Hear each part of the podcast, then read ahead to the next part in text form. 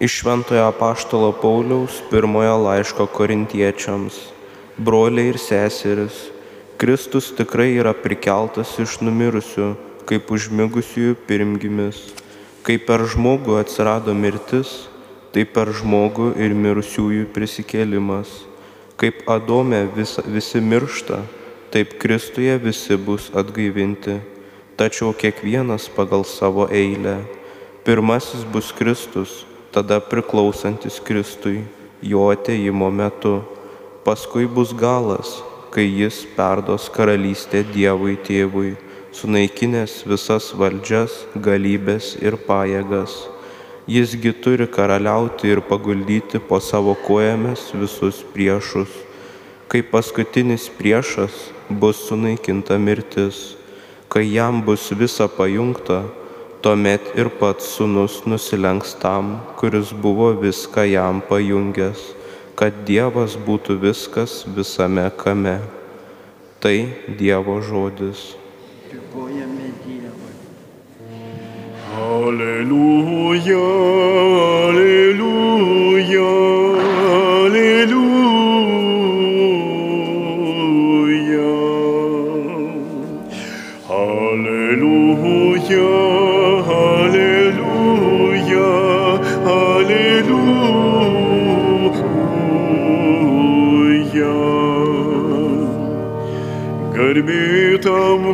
Ateina viešpaties vardu. Šlovė besiartinančiai mūsų tėvo Dovido karalystė. Alleluja, alleluja, alleluja.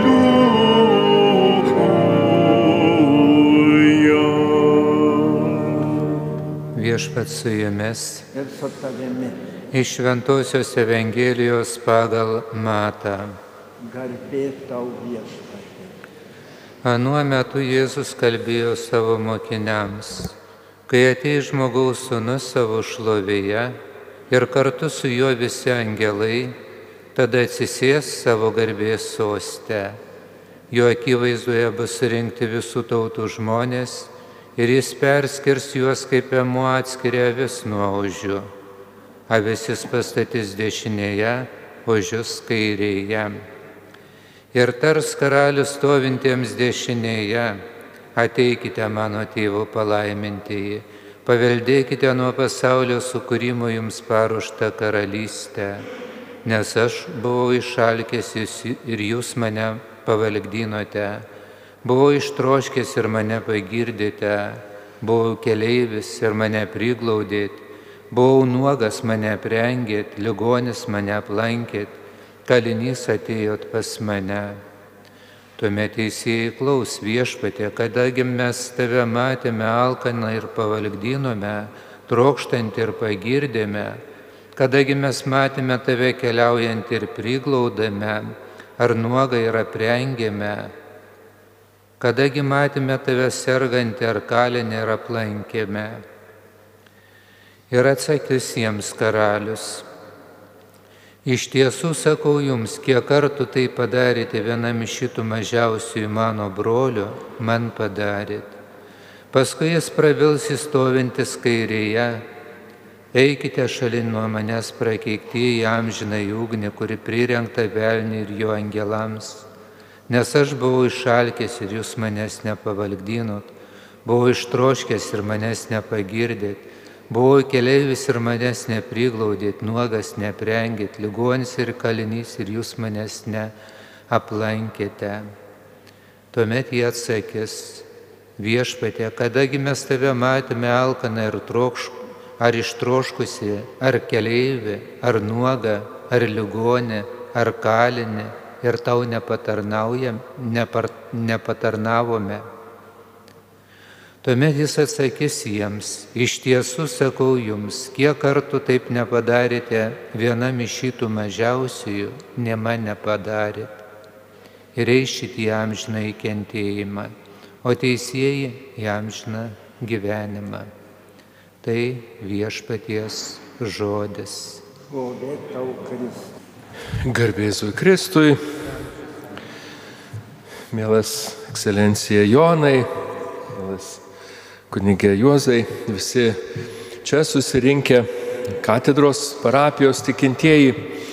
E, Sveikinu su tikrai didelė, gražia, svarbia katedros švente, Kristaus karaliaus švente. Ir tai tradiciškai ta viena, vienas iš tų tokių gražių akcentų čia - Šventas Kazimieras Kristus karalius. Mėla man vėl prabilti jūs šitoje vietoje, šitoje katedroje. Norėjau paklausti, ar atidžiai klausėtės skaitinius? Atidžiai, ne? Ar neiškilo jums tam tikro prieštaravimo tuose skaitiniuose? Ka, kas, yra, kas yra Kristus? Sakom, Kristus karalius. O koks buvo priegesmis e, psalmės? Atliepas psalmės. Viešpats ganytojas mano. Tai karalius ar ganytojas? Nes skiriasi, skiriasi. Jeigu karalius, tai matot, žiūrėkit, čia karalius su skeptru, su karūna, kuris, kuris valdo, kuris nusprendžia, kuris teisė, ar ne, tai galutinė instancija. Jeigu jau aukštesnės instancijos valstybė nebėra, ar ne, valdovas, karalius. Na ir, ir tas, ta Evangelija buvo ta, kuri atskiria avis, ožius, nusprendžia vieniem palaima, kitiem bausmė. Na ką darysi? Kristus yra tas, kuris e, ir karalius, ir ganytojas. Jame tas sutampa. Tame tas susilieja kartu. Ganytojas, kuris rūpinasi. Ir man gražu žvelgti į Kristų, kuris rūpinasi, bet kuris yra mūsų valdovas.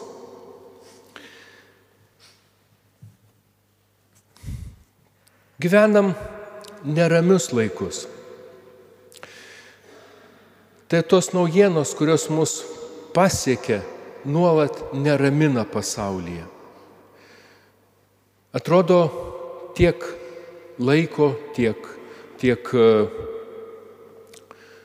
metų, kurie atrodo vis gerin ėjo, kažkoks tai progresas, gyvenimas, kuris gerėjo. Be abejo, progresas visuomet yra. Technologijos, tai kas mus supa, kas mūsų gyvenimą padaro lengvesnį, dabar net dirbtinis intelektas. Įsivaizduokit, e, spausdinami interviu su robotu. Ar ne, yra e, robotas, kuris naudoja dirbtinį intelektą ir žurnalistas, kuris klausia, sako, ar jūs esate tikras roboto? Taip, sako, matot, aš, aš esu tikras. Atsako, atsako pats robotas. Sako, kaip, ar jūs jaučiat, ar jūs gyvenat, labai įdomu. Kas būtų pagalėjęs pagalvoti, ar ne, kad mes pradėsim kalbėti su daiktų pagamintų žmogaus. Progresas yra, bet žinom, kad žmogus priklauso nuo žmogaus, kuris valdo visas šitas technologijas. Ir dabartinė situacija yra kur kas pavojingesnė, nes tiek daug žmogaus galioje yra. Jisai gali arba į gerą pakreipti, arba į blogą. Ir todėl tie konfliktai, kurie vyksta, kurie, e, kurie yra pasaulyje, yra, jie, jie yra dar pavojingesni. Nes žmoguje ir gėris, ir blogis. Yra gėrio, be abejo, kad žmoguje yra gėrio. Daug tų istorijų mes patys patiriam gerumo vieni iš kitų. Arba istorijas, kurias, kurias girdim, žmonės, kurie rizikuodami padeda kitiem. Na, gal žinomiausia, garsiausia būna, gal daugiausia kalbama apie tuos, kurie karo metu gelbėjo žydų tautybės žmonės. Bet gerumo visur gali pasireikšti. E, visai nesenai viena kunigas miręs pasakojo apie savo vaikystę, jis suvalkyjoje gyveno ir karo metu jie savo namuose slėpė kelis žydų vaikus. Ir gal kas įskundė, gal kažkoks patikrinimas buvo, atėjo e, burys kareivių, vokiečių, e, tiesiog iš, iškrės pa, pa, patikrint. Tada visą šeimą išvarė iš trobos į lauką, išrikiavo tėvas, mama ir septyni vaikai.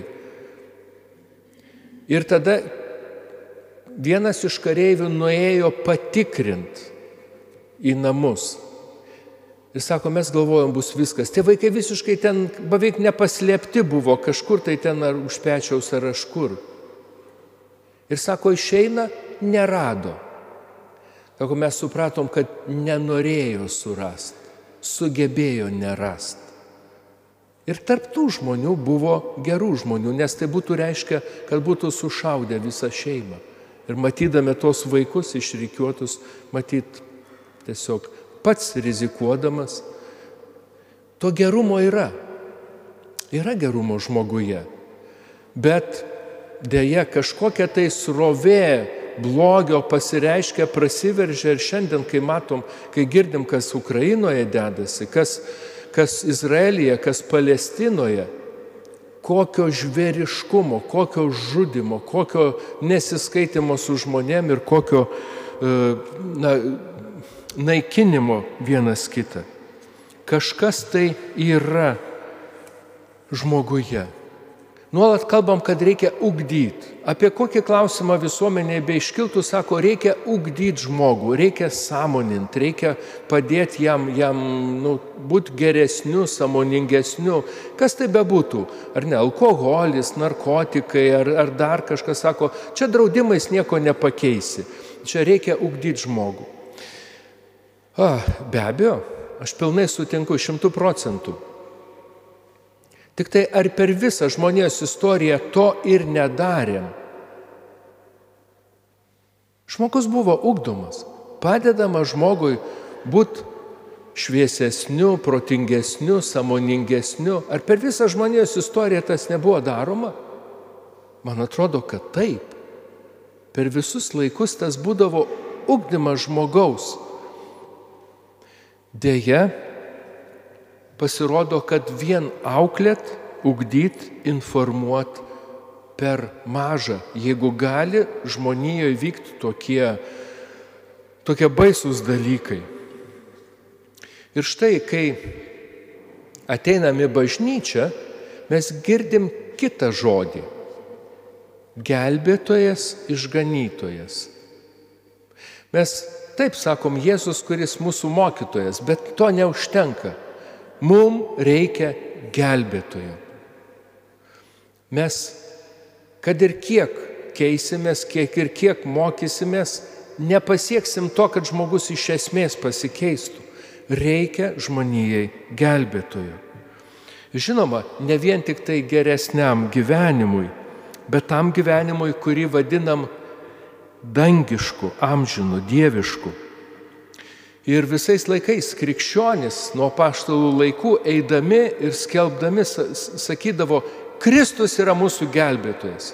Jėzus, mes turim jį savo viešpatį ir savo gelbėtoją. Jis yra tas, kurio galim remtis. Jis vienas, kuris gali iš esmės, iš tiesų pakeisti žmonijos gyvenimą ir kiekvieno žmogaus gyvenimą. Nuo jo viskas priklauso.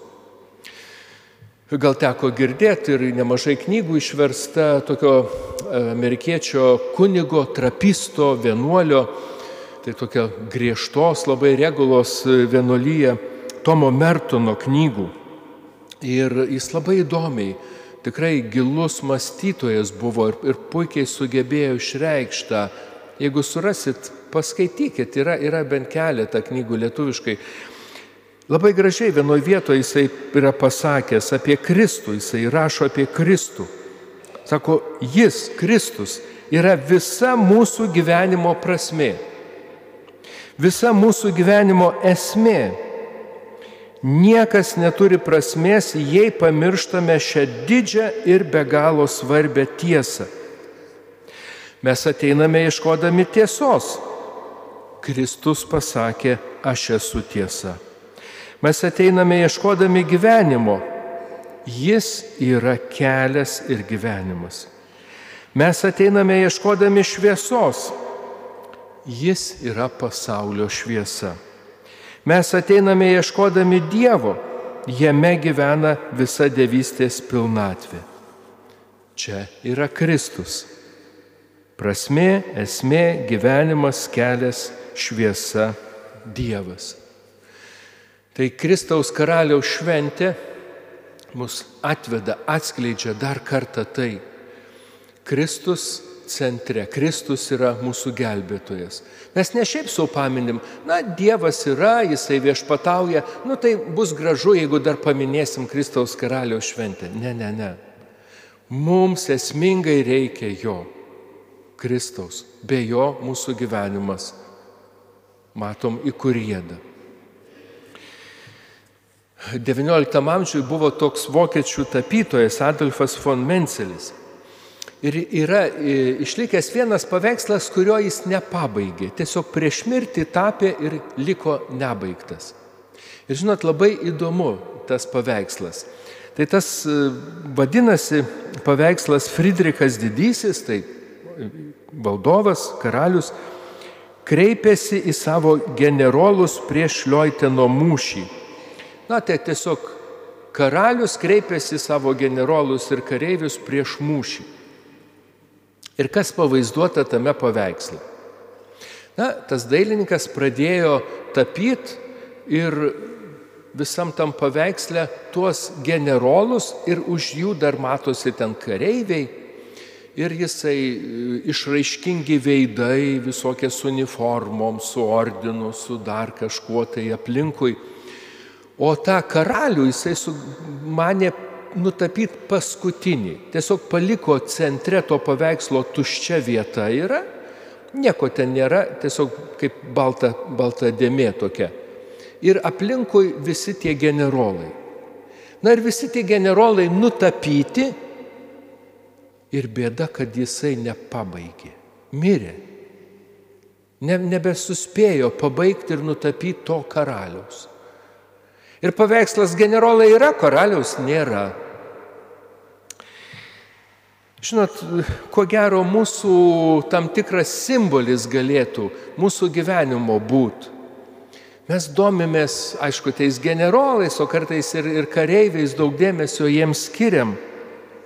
O Jėzus karalių karalius nėra centre nepakviestas, ne tuščia vieta toje vietoje, kur jis turėtų būti. Ir mūsų gyvenimo paveikslas niekada nebus pabaigtas, kol į jo centrą nepatalpinsim Kristaus karaliaus, kurio šventę šiandien švenčiame. Kaip tą galim padaryti? Ogi labai paradoksaliai Ir ta Evangelija, kurią girdėjome mums šiandien, sufleruoja. Evangelija apie paskutinį teismą. Ta metaforiška iliustracija apie avis ir ožius, kurios atskiria. Bet koks yra motyvas teismo? Ar padarėt gerą, ar aplankėt, ar pagelbėjot, ar pamaitinot, ar aprengėt? Meilės motyvas. Yra toks šventasis kryžiaus Jonas sakė, gyvenimo vakare būsime teisiami pagal meilę. Evangelija. Gyvenimo vakare būsim teisiami pagal meilę. Ir šiandien Evangelija kiekvieną meilės darbą, kurį atliekam, darom Kristui. Buvau užšalkęs, jūs mane pavalgydinot, buvau užtroškęs, mane pagirdėte Kiek kartų tai padarėte vienam iš šitų mažiausių mano brolių, man padarėte. Taigi statyti centrą Jėzų reiškia, kad ten būtų tas žmogus, kuriam reikia pagalbos. Surast žmogų, kuriam reikia padėti, reiškia surast Dievą. Dievas leidžia save surast mažuose ir silpnuose Ir gera tai pabrėžti per Kristaus valdovo iškilmę. Mūsų visuomenė pirmavimo, pasirodymo, matomumo, konkurencijos kultūroje gyvenam. Ir šitoje kultūroje žvelgiam į Kristų karalių, nuolankų ir paprastą. Ir tai tinkamas būdas, vaistas gydyti mūsų visas lyguistas galios, šlovės ir sėkmės idėjas.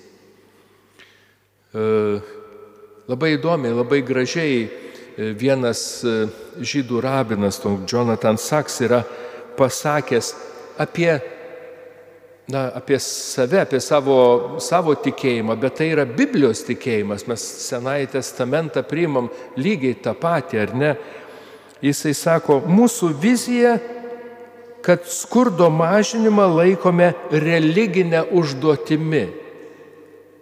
Tai iš, iš Seno testamento netgi perspektyvos, išvelgdami, sako, skurdo mažinimą laikome religinę užduotimi. Tai šios dienos Evangelija mums rodo, kad išalkusio valgydinimas, ištroškusio pagirdimas, keleivio priglaudimas, nuogo aprengimas, ligonio, kalinio plankimas yra mūsų religinė užduotis. Tai tegul Kristus būna mūsų gyvenimo centre ir statykime jį statydami žmogų, kuriam reikia pagalbos į centrą. Amen.